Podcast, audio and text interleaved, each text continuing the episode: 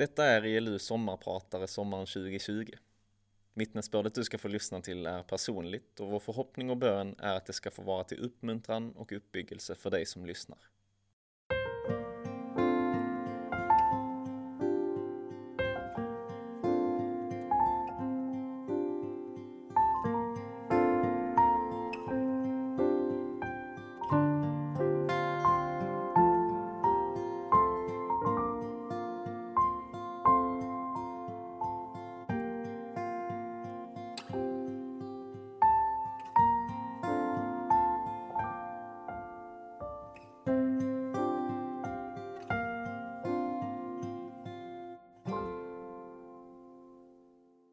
Vars är du? Jag visste inte helt vad jag skulle svara där jag stod med kundkorgen i hand på ICA Berghem i Umeå. Jag hämtade andan för att svara men hann inte innan min nyblivne fotbollscoach fortsatte. Är du på väg hit? Vi har ju match nu och jag behöver dig som anfallare. Jag blev ännu mer mållös. Att det var match, ja det visste jag mycket väl, men att jag skulle få vara med och spela. När jag ett par minuter senare la på luren, då insåg jag att jag hade missat mitt livs första riktiga fotbollsmatch bara för att jag trodde att jag inte platsade i laget. Du lyssnar till ELU sommarpratare och jag heter Rakel Smetana.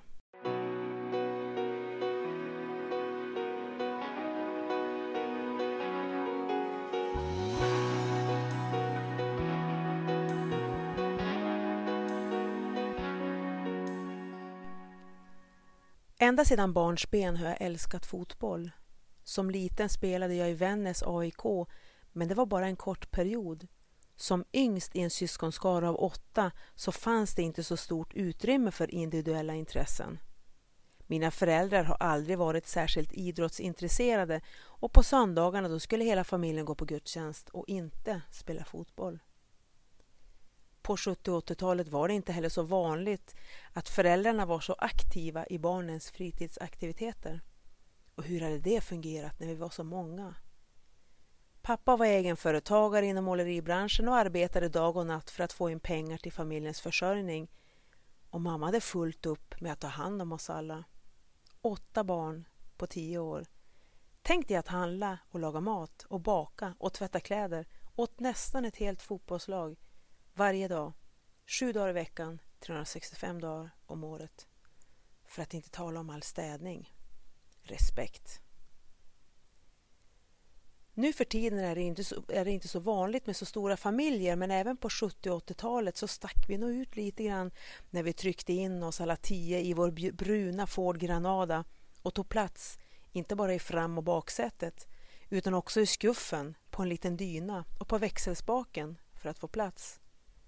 Pappa var predikant för ELM och ofta fick hela familjen följa med på hans predikoresor runt om i Sverige. Det var feststämning när vi fick åka iväg på dessa semestrar. Husvagnen var förstås lite för liten för oss alla men pappa hade byggt sängar så tätt att man nästan kunde känna nästa säng på nästippen när man skulle försöka sova. Jesus ELM, mission och engagemang för andra människor har varit, varit naturliga komponenter i min uppväxt. Att åka på möten och läger var en stor del av vår tillvaro. Vi barn var nog ganska duktiga på att visa upp en lite finslipad fasad på mötena men hemma tog vi nog ut svängarna och det var nog inte alltid så lätt för mamma och pappa att hålla koll på oss alla. Vi fick lära oss tidigt att ta hand om varann. Jag som var yngst hade många som tog hand om mig och blev nog lite extra bortskämd med omsorg och kärlek, både från mina föräldrar och mina syskon. Det har format mig och det känner jag av än idag.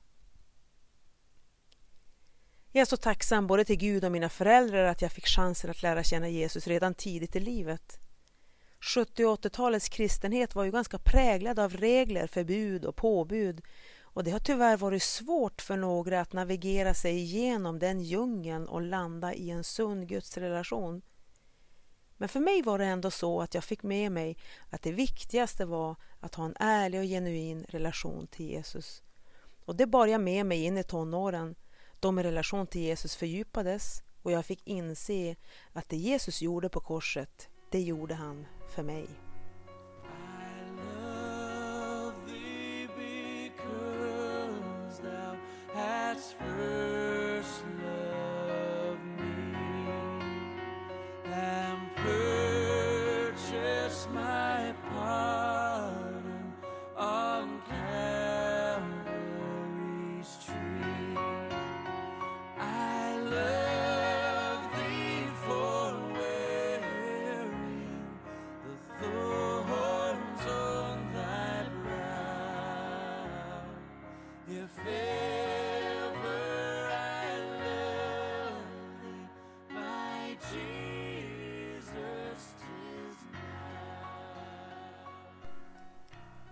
Solen sken genom fönstret in i samlingssalen på lägergården Fridhem i Vännäs. Det var ungdomsläger och sista undervisningspasset innan lunch var avklarat. I bänkraden framför mig viskades det Åh, oh, det här var bra undervisning. Men själv kände jag mig mest bara tom. Det var som att jag inte hade kunnat ta till mig något av det predikanten talade om, som att det inte riktigt var till mig han talade. Under hela lägret hade det varit samma och det gnagde i mig. Så på lunchen tog jag mod till mig och frågade talaren om jag kunde få samtala med honom. Huvudfrågan var om jag inte känner någonting alls, har jag då en dålig relation till Jesus? Talaren svarade egentligen inte på min fråga utan började läsa ur den gamla goda sången nummer 393 i sångboken Lova Herren På nåden i Guds hjärta. Sången har många verser men talaren läste dem alla från minnet, vers efter vers. Sången handlar om att bygga sin tro och sin salighet på Guds hjärta och på vad Jesus gjort för mig och inte på det som finns i mitt eget hjärta, mina känslor eller vad jag ska göra för honom. Sångens ord gav mig frid och jag har fått återkomma till den gamla goda sången under många gånger i mitt liv. Jag tror att jag har en ganska enkel och ibland kanske lite naiv och barnslig tro på Jesus. Jag har nog aldrig sådär på riktigt hamnat i djupa tvivel på att Gud finns eller att han älskar mig. Under årens lopp har jag fått samtala med andra som har kämpat mycket med tvivel. Tvivel står ju inte i motsats till tron utan är snarare en del av tron. Men det kan vara tungt att kämpa med tvivel och det kan göra att man mister frimodigheten. Jag är tacksam över att jag sluppit hamna i djupa tvivelsgropar men det händer allt för ofta att jag tappar fokus på Jesus. Så börjar jag se på mig själv eller på andra runt mig och då är det lätt att tappa modet. Jag behöver ständigt påminnas om att min rättighet att vara Guds barn, det handlar inte om mig själv. Vad jag gör eller inte gör, hur ofta jag läser Bibeln eller ber, eller hur mycket jag gör för honom. Utan det handlar bara om Jesus. Om hans kärlek till mig, om vad han gjorde på korset för mig. Min salighet vilar inte på vem jag är, utan på vad han har gjort. Inte på vad jag har gjort, utan på vem han är.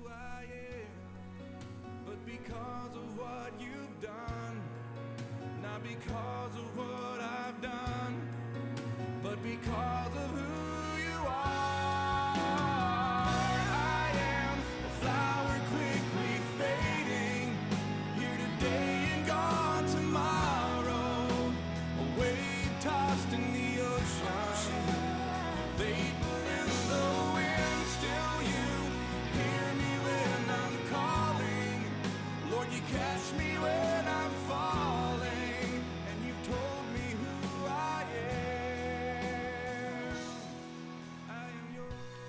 Min uppväxt har på många sätt påverkat mig att bli den jag är. Livet är som bäst när man har många människor runt omkring sig och när ljudnivån är hög. Dörren till vårt hem var alltid öppen, inte bara för alla våra kompisar utan också för andra människor av olika nationaliteter där några av dem var i behov av stöd och hjälp. Om man kan hjälpa någon annan så gör man det. Svårare än så är det inte. Och så vill Gud ha det. Det var en livsstil våra föräldrar praktiserade och förmedlade till oss utan ord. Och jag är oerhört tacksam för att jag fått med mig de här grundvärdena i livet. Att finnas till för andra ger mening i livet, det säger till och med lyckoforskare. Och man får värdefulla perspektiv in i ens eget liv. När jag möter människor med svårigheter då får jag perspektiv på mina egna små bekymmer. Och det är oerhört berikande för min tro att ta del av andras gudsförtröstan genom olika svårigheter i livet. Jag har också många gånger varit med om att vänner får finnas där för mig när jag behöver det. Och det är en av Guds stora gåvor till mig, det vill säga ett rikt nätverk av vänner i olika delar av världen.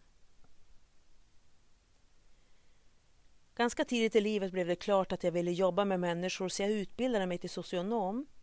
Jag har i mitt yrke fått möta många livsöden, både utsatta kvinnor som utsatts av sexuell traumatisering eller andra trauman och drabbats av psykisk ohälsa eller hamnat i missbruk. Men också unga människor som tvingats lämna sina hemländer för ett liv i Sverige och som också bär på trauman och svårigheter. Var och en av alla de här människorna jag mött har lärt mig någonting viktigt och gett mig värdefulla pusselbitar in i mitt eget liv. Och utan dem hade jag inte varit den jag är idag. Min största hobby det är nog det personliga samtalet. Jag är både fascinerad och passionerad över just det personliga samtalet och vad det kan betyda. Ofta är det så att omständigheterna är helt och hållet detsamma innan och efter ett samtal men ändå så kan allt vara förändrat. Det händer någonting med oss när vi får sätta ord på tankar och känslor inför varandra och möta varandra på djupet. Ofta är det berikande för båda parter och även om inte omständigheterna förändras så förändras vi och vår inställning till problemet. Och samtalet kan, kan ge avgörande insikter som gör att situationen faktiskt förändras. Extra mäktigt är det förstås när även Jesus bjuds in i samtalet. Att få be för och med varandra det är en stor gåva som vi borde använda oss av mycket oftare än vad vi gör. Som volontär för den kristna telefonjouren Lifeline så får jag ibland samtala med verkligt frustrerade människor i svår ångest där livet har kraschat totalt och man upplever sig totalt ensam och ingen man kan vända sig till. Att få lyssna och ta del i den anonyma människans nöd, få peka på Jesus stora omsorg och närvaro och makt att hjälpa och sen konkret i bön få överlämna personen i Guds armar och det är sannerligen mäktigt. Lift up your head Be encouraged God will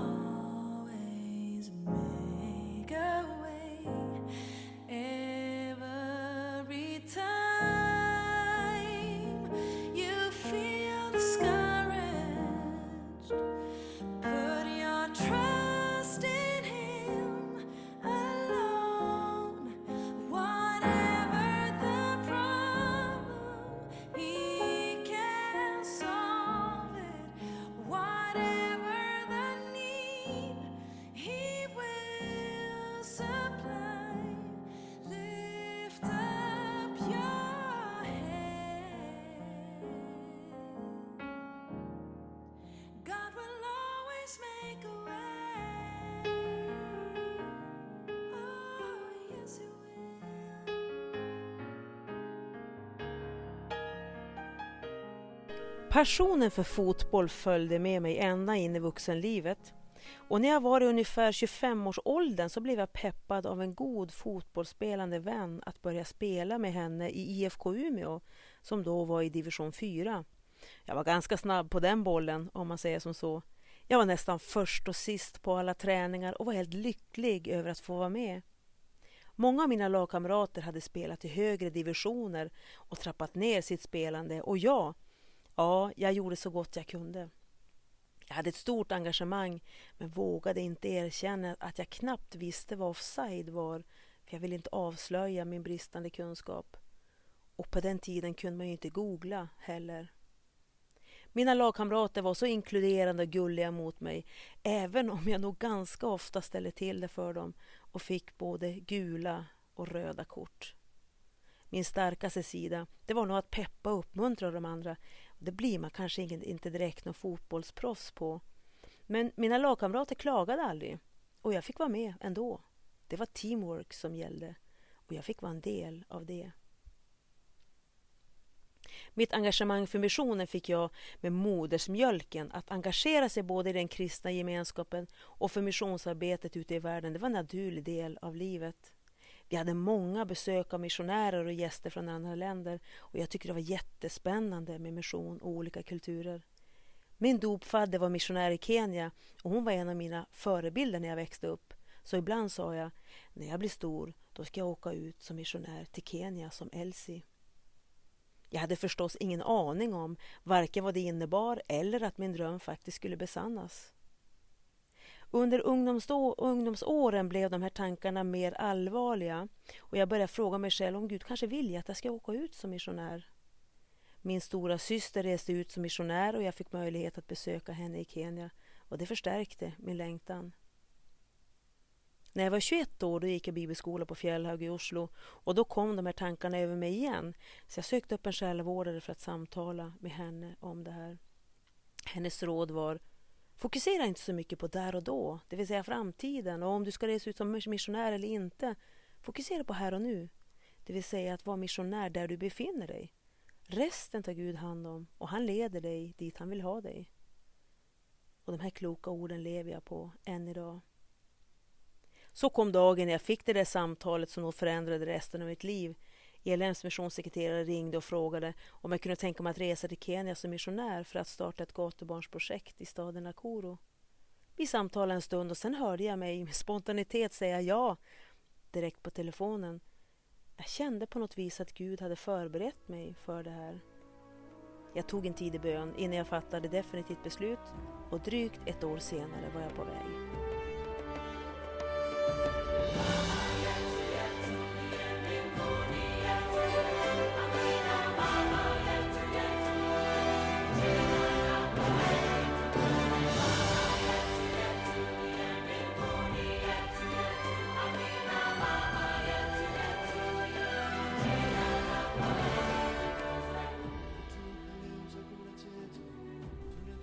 Mina dryga fyra år i Kenya var nog faktiskt både de ljuvligaste och jobbigaste i mitt liv.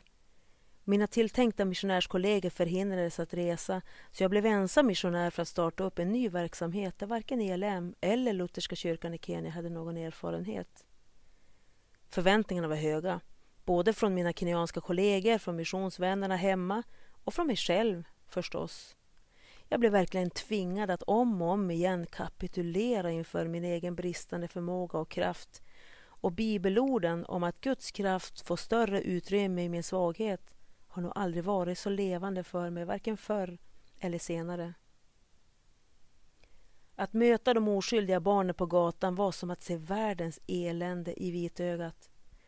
Man möter barnets blick och man vill bara blunda i hoppet om att allt det jobbiga ska försvinna. Men när man öppnar upp ögonen så ser man rätt in i 20 andra bruna barnaögon som lever i samma elände. Total maktlöshet och överväldigande frustration blandas med bultande kärlek och omsorg och en känsla av meningsfullhet över att faktiskt kunna göra någonting för dem. Projektet fick namnet Betesta Children Ministry och får än idag vara Guds utsträckta hand till de utsatta barnen på Nakuros gator. Jag skulle kunna prata oavbrutet i flera dagar i sträck om mina upplevelser i Kenya. Om när alla Betesda-killar en dag bestämde sig för att rymma tillbaka till gatan. Om hur vi åkte ut nattetid ibland för att skapa relation till de barn som hade gatan som sitt hem även nattetid. Om den obeskrivliga glädjen att se hur vissa barn totalt transformerades när de fick möta kärleken från Jesus och personalen på Betesda om alla tårar som fälldes i frustration över att se hur, hur vissa barn förstördes mer och mer dag för dag men som inte förmådde bryta med gatans liv trots att vi gjorde allt för att försöka hjälpa dem. Om hur det var att begrava 14-åriga gatutjejen Susan som inte orkade mer att ta sitt liv och om hennes vän från gatan som gav mig en av hennes två rosor så att jag skulle få lägga den på Susans grav och mötet med tvååriga Wanjiro som hängt på mammans rygg på gatan sedan födseln och som inte kunde gå och knappt kunde äta och som efter bara några månaders rehabilitering sprang runt som vilken tvååring som helst. Ja, under mina år i Kenya fick jag verkligen se vad Gud har makt att göra och det formade också den gudsbild och den relation till Jesus som jag har idag. När mina fyra år på fältet var till ända och jag skulle åka hem till Sverige igen så ordnades förstås en stor fest på sedvanligt kenyanskt sätt med god mat, livlig musik, glädje och feststämning och många officiella tacktal. Kenyanska barn lär sig tidigt att tala inför en grupp människor och hålla officiella tal av olika slag. Ordet frimodighet fick en annan innebörd för mig under mina år i Kenya där inte jantelagen finns på samma sätt som här. Jag måste erkänna att jag faktiskt inte kommer ihåg mycket av alla de tal som hölls den dagen, förutom ett, och det var i slutet av festen, när min kollega plötsligt pekade på Fred och sa att nu var det hans tur att hålla tal. Fred reste sig lite blygt och sa bara en mening. Tack för att du, när du mötte oss på gatan, alltid gav oss en kram utan att bry dig om all vår smuts och alla våra loppor. Så satte han sig ner. Det var det vackraste och starkaste tal jag någonsin hört. Freds tal påminde mig om Jesu kärlek till mig så jag fick sända tacket vidare. Tack Jesus för att du älskar mig precis som jag är. Att du har förlåtit alla mina misslyckanden, svek, egoistiska tankar och dåliga handlingar. Tack för att jag var helt och hållet ren i dina ögon. Att du inte bryr dig om min smuts. Och för att du, när jag känner mig som mest misslyckad och ovärdig, tar upp mig i din famn och säger Jag älskar dig, du är min.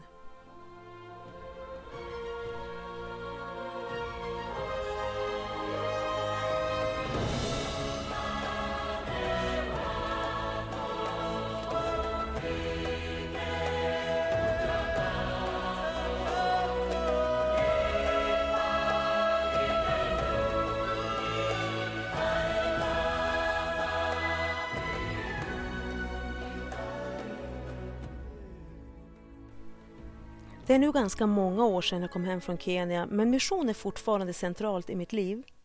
Att jag får arbeta som missionssekreterare för ELM hjälper mig att behålla fokus på vad som är viktigt i livet. Att regelbundet få resa iväg för att möta kristna syskon i andra delar av världen och smittas av deras gudsrelation och missionsiver, ja, det är en av de saker som berikar mig mest, både mänskligt och andligt. Många av dem lever under långt enklare förutsättningar än jag, så att se tacksamheten i deras blick och möta deras gudsförtröstan, det ger perspektiv in i mitt eget liv. Jag brinner för att unga människor ska få upptäcka missionen och jag inspireras av att se effekterna av det här.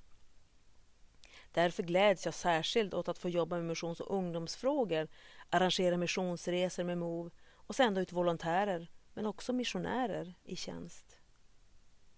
Jag är så tacksam över att jag får vara med och tjäna Herren på olika sätt, både i mitt arbete, i mitt ideella engagemang och generellt sett i min vardag och i mina relationer. Det är som att Jesus ganska ofta säger Vars är du Rakel? Jag behöver dig. Och jag gläds åt att det finns en plats just för mig och ibland känner jag mig faktiskt ganska lycklig över att just jag får vara med. Ja visst, det finns säkert många andra som skulle göra det långt mycket bättre än mig och ibland känner jag mig som ett riktigt stolpskott som mest ställer till det. Men Jesus behöver mig ändå. Jag får vara ett av de där lerkärlen som det står om i Bibeln, där Gud lagt ner sin dyrbara skatt.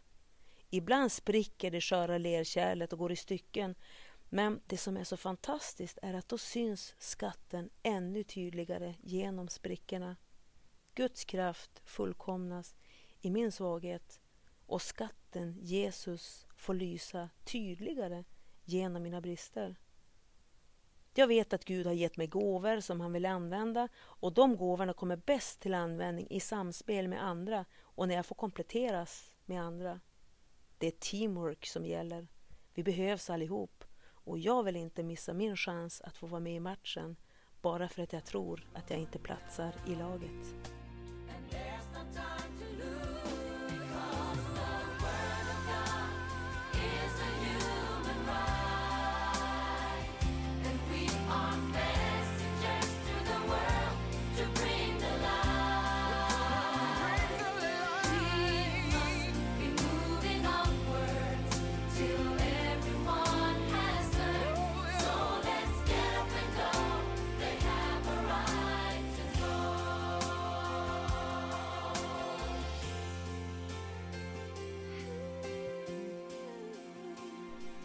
Vem är du?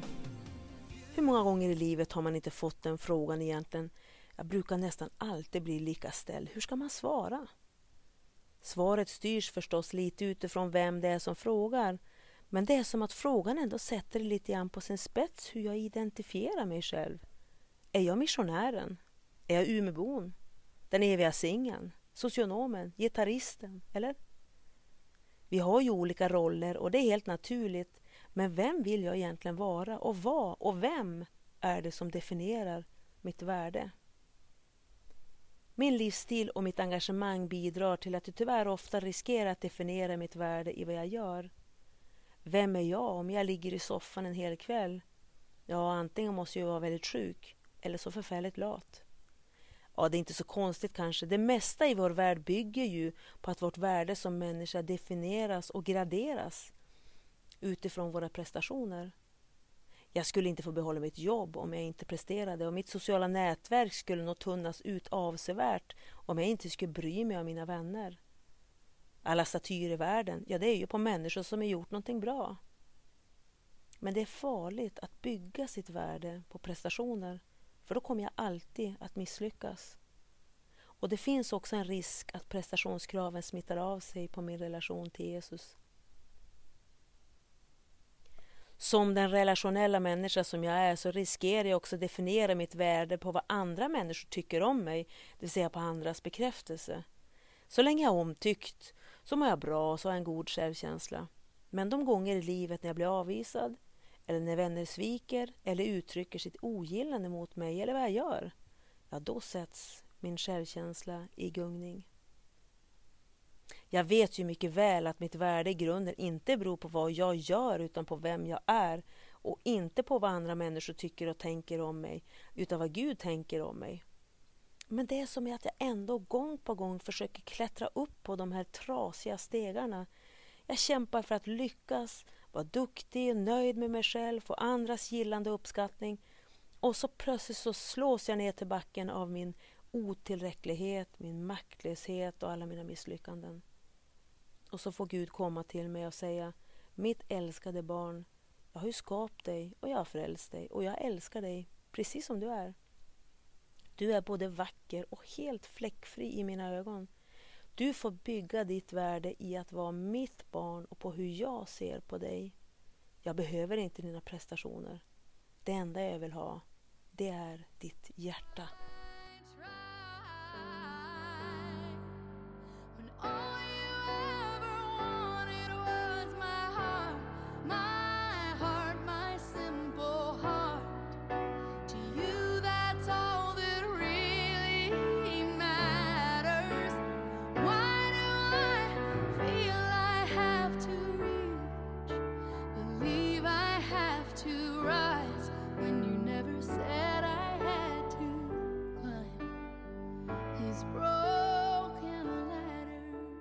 Livet blev inte som jag hade tänkt mig. Ja, jag är bara mitt i livet ännu, men jag har hört det här sägas så många gånger. Några av oss sörjer att inte få vara föräldrar. Andra kämpar med barn med särskilda behov.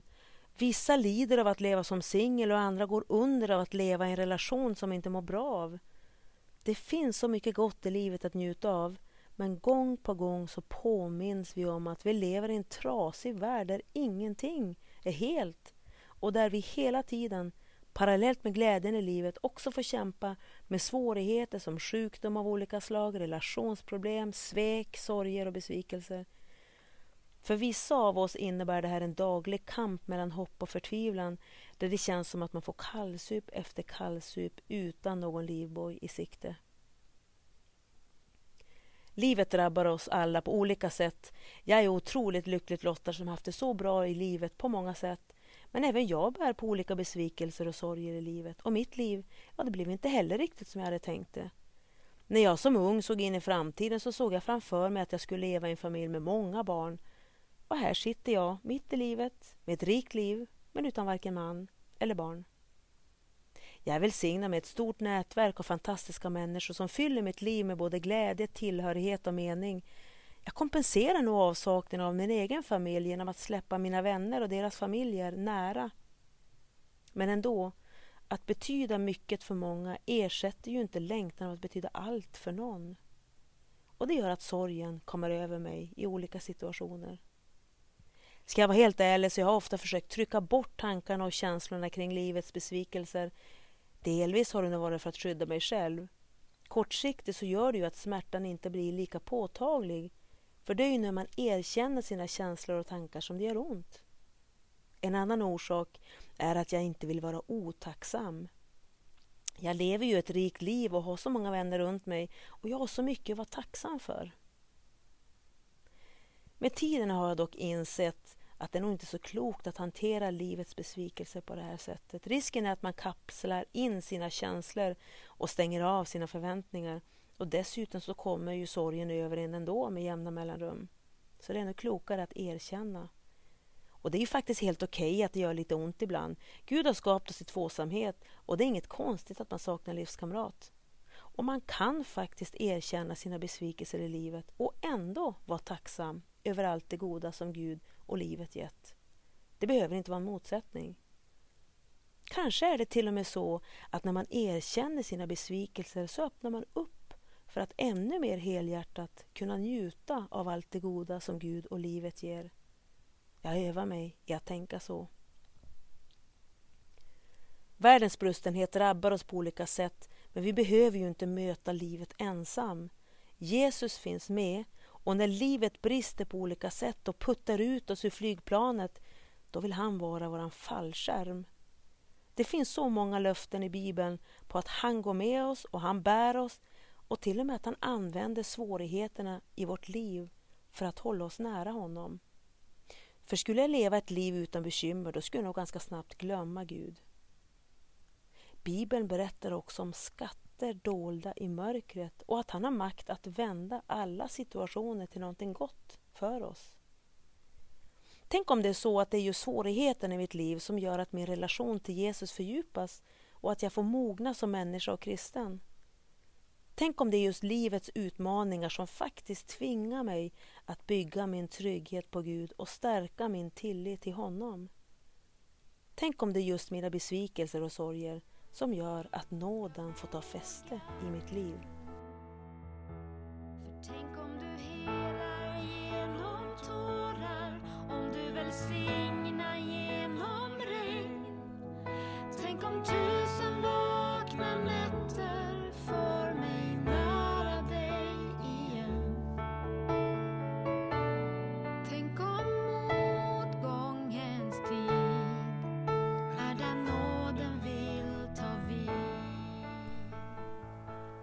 Klockan började närma sig 05 och min mammas andetag var jämna där hon låg och sov i sjukhussängen på Umeå lasarett. Jo, tänkte jag, hennes stora hjärta stannar inte så lätt så hon har nog tänkt att leva ett par dagar till. Och ändå kändes det som att ångesten kröp närmare och närmare in i maggropen där jag satt. Vi visste alla att nu var hon färdig att lämna livet på jorden men ingen visste förstås när. Ovissheten skapade en viss oro hos mig. Jag bad nattpersonalen på sjukhuset sitta en stund hos henne så jag fick ut och andas och springa runt lite grann i korridoren. Klumpen under hjärtat lättade något så en stund senare så gick jag tillbaka. Samma lugna och trygga andetag. När vi lever med Jesus i livet så har vi ingenting att vara rädda för, inte ens i dödens stund. Ändå är döden en fiende och det blir påtagligt när man ser den i vitögat. Men mamma verkar inte alls vara rädd. Som en av hennes sköterskor sa, du verkar vara fullständigt trygg med vart du ska. Det märker vi i personalen och det gör oss lugna och trygga. I tio dagar vakade vi dygnet runt hos mamma på sjukhuset. Hon var vaken vissa stunder men var svag och kunde inte prata. Pappa hade fått styra in en säng i hennes rum och fanns vid hennes sida i princip hela tiden. På natten så vakade vi syskon så att pappa fick sova. Det var som att leva i en konstig bubbla där livet totalt stannade upp och man gjorde inget annat än att vara på sjukhuset eller åka hem och sova eller äta. Och när man på vägen mellan sjukhuset och hemmet tittade ut genom bilrutan så hajade man till över att livet där utanför bubblan, ja det verkar ju fortsätta helt som vanligt. Så märkligt. Livet blir aldrig så levande som i mötet med döden och vid mammas dödsbädd så fanns det plats för allt. Glädje och tacksamhet över livet, skratt och gråt, sorg över att mamma nu skulle lämna oss, kärlek och förstärkta syskonband, hopp och förtvivlan. Framförallt en påtaglig frid och Guds närvaro som jag faktiskt inte kan beskriva. Tron på Jesus blir aldrig så verklig som i mötet med döden. Vi sjöng mammas älsklingssånger om och om igen och det var som att himlens port stod på glänt och man fick ana att på andra sidan stod Jesus och väntade. Den 6 oktober 2016 fick mamma flytta, flytta hem till Jesus. Jorden blev fattigare, men himlen desto rikare. Jesus kunde inte vänta längre. Tron på Jesus bär ända in i döden och förbi. Mamma hade varit sjuk i Parkinson under många år och gav lidandet ett ansikte, men hon lärde oss också vad tacksamhet innebar. Tacksamhet mitt i lidandet. Och jag vill bära med mig den tacksamheten vidare i mitt liv och påminna mig ofta om allt det goda som Gud gett och ger mig varje dag. Han finns där, alltid, även när jag inte ser honom. Och han är trofast, alltid. remember